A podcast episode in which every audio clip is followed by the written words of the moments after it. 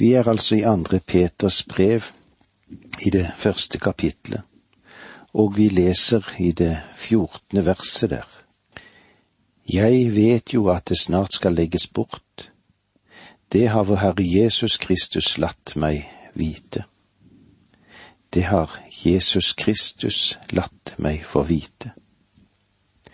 Vi vet at plutselig kan oppbruddet komme. Han må fare herfra.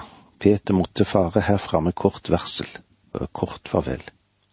Og slik kan det være med mange som du har hatt i din nærhet, det har kommet så brått. Og når oppbruddet kommer, når vi ser i det himmelske perspektiv, da gis det ikke flere anledninger til personlig kontakt med menighetene for Peters del og det ordet som vi har gjengitt med brått i hast eller plutselig, kan òg bety snart, det er nær forestående. Og det er flere ting som har denne betydningen i ordene sine. Men betydningen av brått synes det å passe best med bruken av ordet når vi går inn i kapittel to og i vers én der, og slik det òg er fortalt oss i Johannes 21 der Jesus forutsa en drastisk avslutning av livet hans. Og hvordan skulle det være? Jo, ved å korsfestes.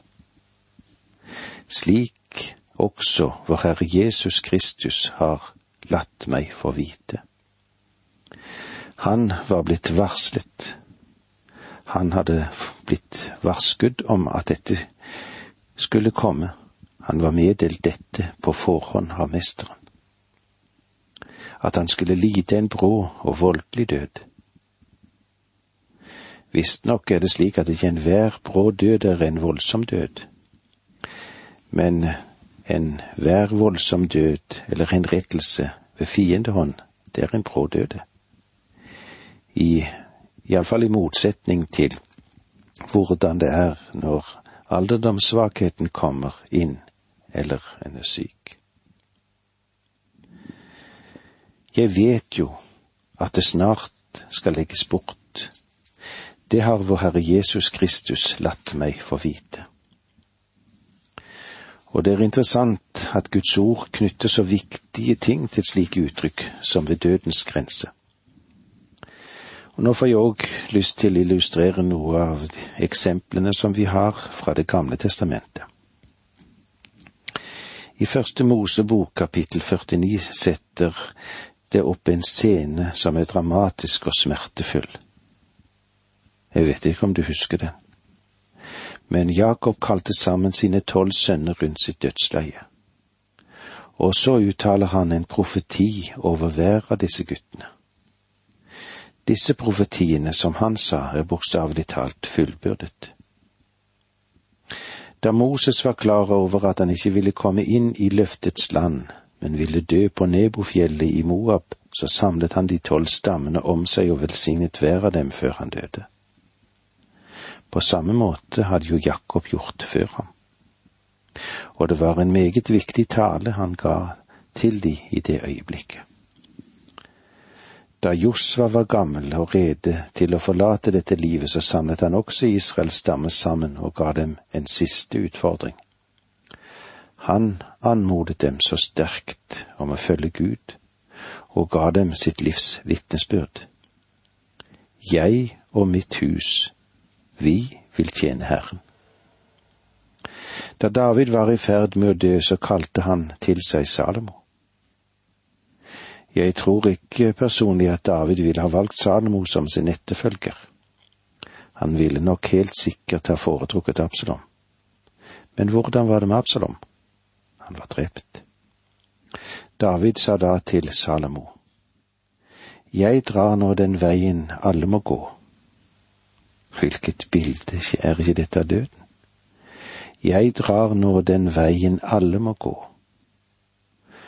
Og eh, det er meget få av dere lyttere jeg vet om og jeg kjenner til, men jeg kan si hvilken vei dere vandrer på. Dere vandrer alle på verdens vei, og det går mot kirkegården. Jeg er klar over at dette på en måte ikke er så oppløftende, men allikevel, vi er alle på reise inn til dette. Også utfordret David Salomo og ga ansvaret for å bygge Guds tempel, og han anmodet hele Israel om å hjelpe ham. For min sønn Salomo, som alene Gud har valgt, han er ennå ung og tander, og gjerningen er stor. For dette tempelet er ikke for mennesker, men for Herren Gud. Og når vi nå går til Det nye testamentet og møter Jesus som rir inn i Jerusalem for siste gang, så gjorde han det helt klart for sine egne i den talen han holdt for dem på den øvre sal, den siste gang han var sammen med dem her i kjødet. For han døde og sto opp igjen i et herliggjort legeme. Hvilke veldige sannheter han ga dem den siste kvelden. Og vi har tidligere møtt apostelen Paulus' gravskrift, den som han formulerer i Antimotius brev, og dette er hans svanesang. Jeg skal nå ofres, tiden er inne da jeg skal bryte opp. Jeg har stridd den gode strid, fullført løp og bevart troen.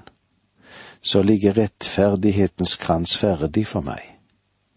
Den skal Herren den rettferdige dommer gi meg på den store dagen ja, ikke bare meg, men alle som har elsket ham og ventet på at han skal komme i herlighet.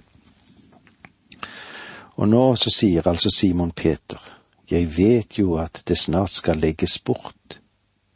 Det har vår Herre Jesus Kristus latt meg vite. Han vet at han nå er kommet til slutten av sitt jordiske liv. Tradisjonen forteller oss at han ble korsfestet med hodet ned og det kan tolkes på to måter. Enten at han ble korsfestet opp ned, eller at han bøyde hodet. Kanskje vi kan se på det siste alternativet som en interessant mulighet når vi tenker på at den Herre Jesus holdt hodet opp, og han så inn i himmelen. Men Simon Peter følte seg selv at han var uverdig til å dø på samme måte som Hans Herre døde så han døde med hodet ned. Nå sier Simon Peter, jeg vet jo at det snart skal legges bort. Så henviser han selvfølgelig til sitt legeme. Ordet Peter her bruker for telt er det greske skenoma. Det betyr telt eller en bolig. Både Peter og Paulus brukte det uttrykket når de henviste til sitt legeme. Paulus han skrev det jo på denne måten i 2. Korinterbrev 5.1. For vi vet at om vårt jordiske hus, vårt telt, rives ned, så har vi, himle, har vi i himmelen en bygning som er av Gud, et evig hus som ikke er gjort med hender. Et telt er ganske skrøpelig, det, en skrøpelig sak og det er ikke vanskelig å tenke seg at det ikke er særlig holdbart heller. Vi kjenner på skrøpeligheter alle sammen, og eh, skulle vi komme i veien for en bil, er det helt klart at vi hadde ikke så mye å stille opp med. Et skrøpelig telt. Når vi dør, så er det dette lille legemet som du og jeg har og lever i, som legges til hvile. Legemet sover i jordens muld da Gud skapte Adam, så tok han hans legeme fra støvet. Mennesket ble skapt av jord. Våre kropper inneholder 15–16 forskjellige elementer som finnes i jordsmonn også i dag. Og alt dette gjør at vi har et legeme. Legemet legges til hvile og vender tilbake til jordens muld. Det greske ordet som Bibelen bruker for søvn eller hviler, betyr å legge seg ned. I klassisk gresk så betyr dette å gå til sengs. Paulus sier også, men vi er ved godt mot, og helst vil vi være borte fra kroppen og hjemme hos Herren. Det er den måten både Peter og Paulus taler, når, taler om når de tenker på døden. Og dette lille teltet vi lever i, legges i graven. Det går til hvile, men sjelen dør aldri. Den vil leve bestandig, og vi skal få et herliggjort legeme når dagen kommer.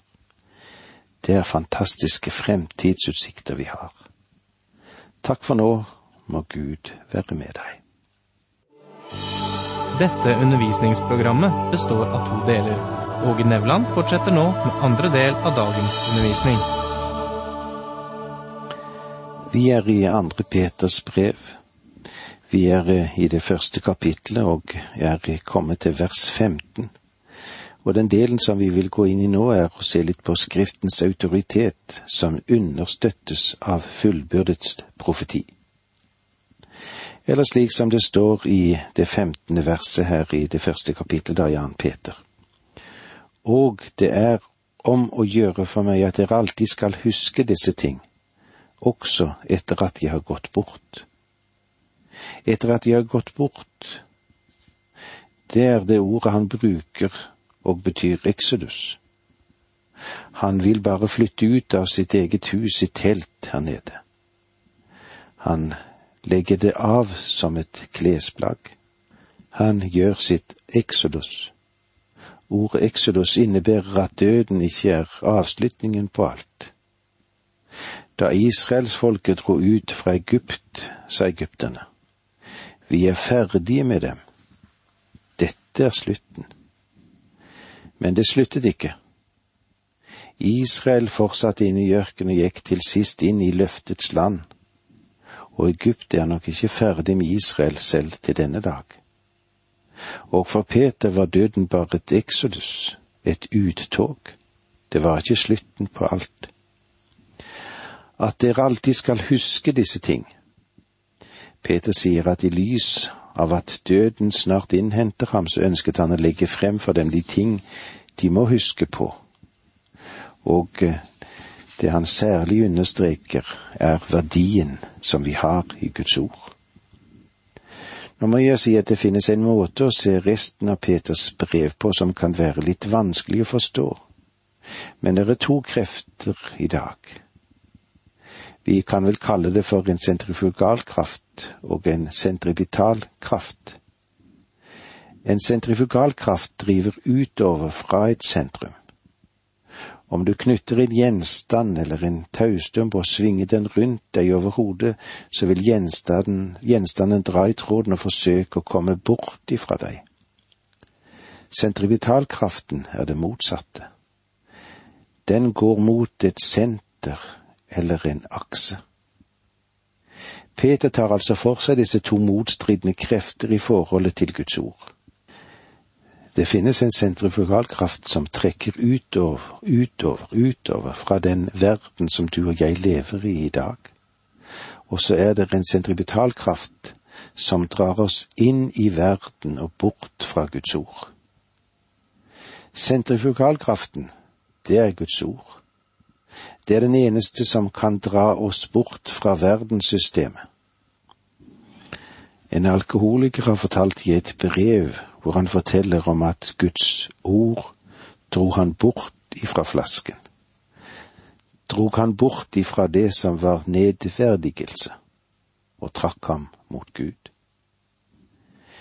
Peter, han har allerede fortalt oss at vi skal gjøre vårt kall og vår utvelgelse mer fast. Han vil at vi skal være klar over at vi har en autoritet som vi kan stole på.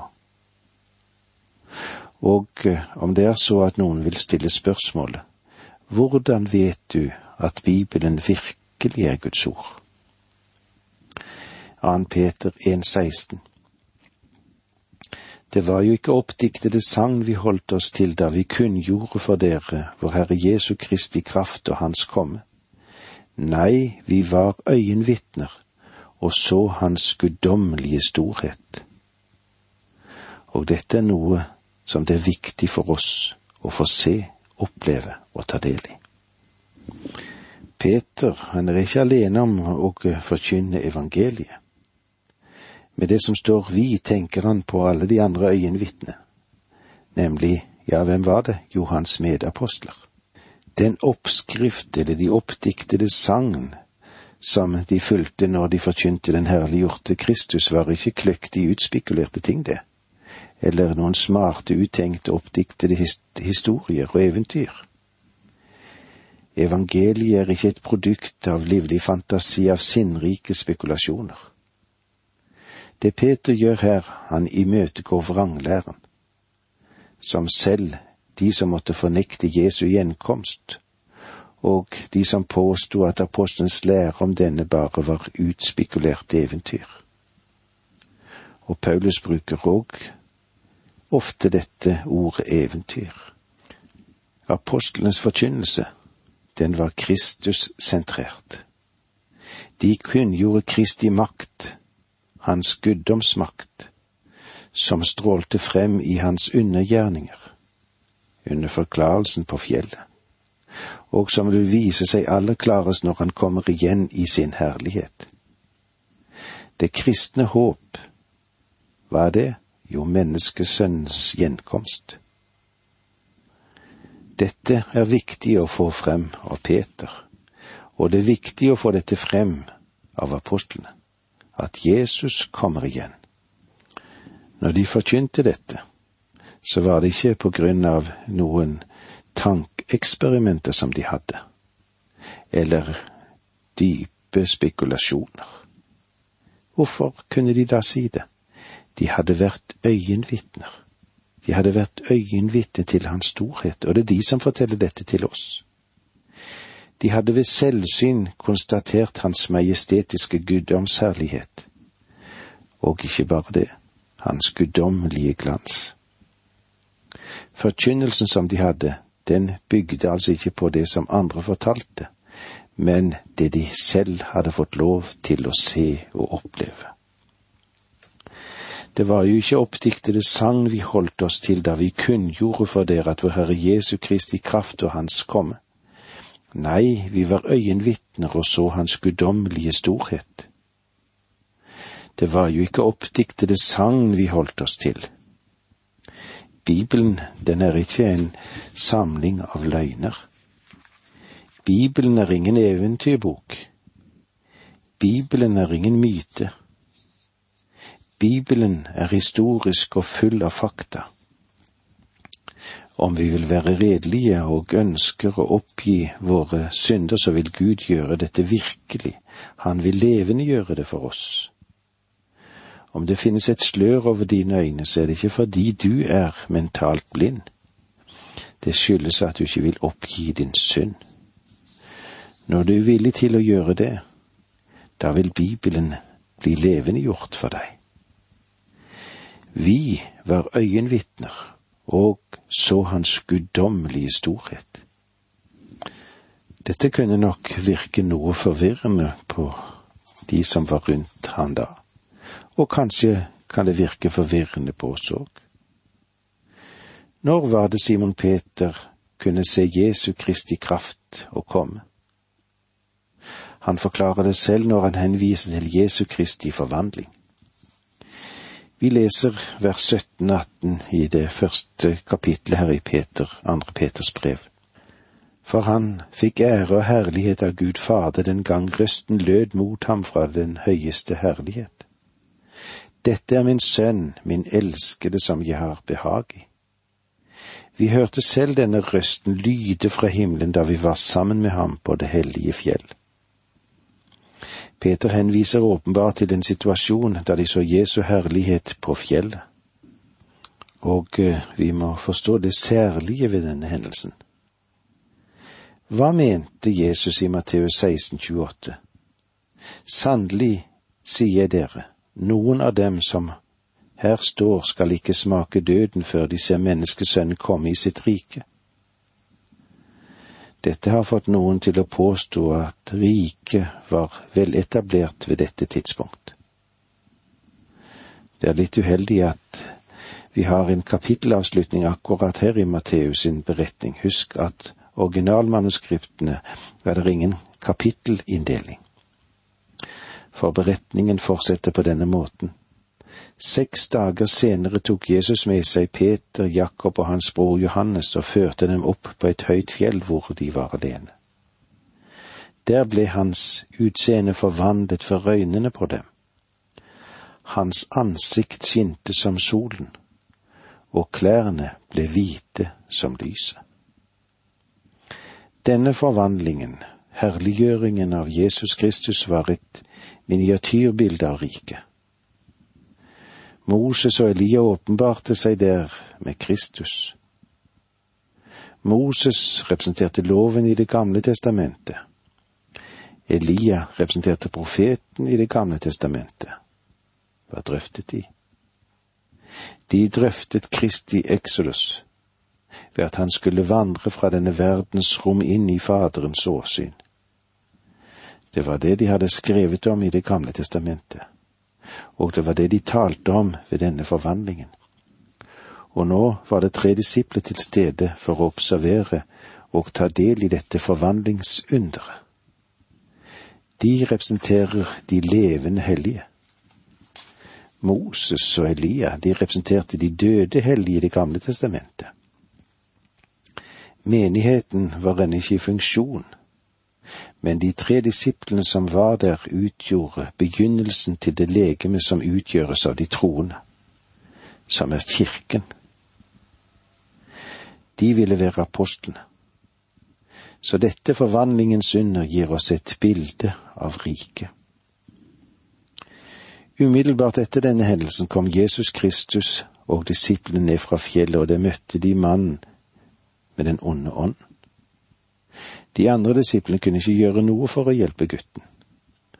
Og de tilskuerne som var møtt opp, snakket hånlig og latterliggjort til disiplene. Det kan kanskje forstås som et bilde på nåtiden, den tid som du og jeg lever i. Verden er i et fryktelig rot Menigheten, kirken som burde ha et budskap om håp og kraft for denne verden, lever ikke alltid opp til sin bekjennelse. Og som et resultat av dette blir menigheten latterliggjort, og i en viss mening med rette, fordi menigheten ikke gjør sin Faders gjerning som den skulle. Tenk igjennom dette til vi møtes igjen neste gang.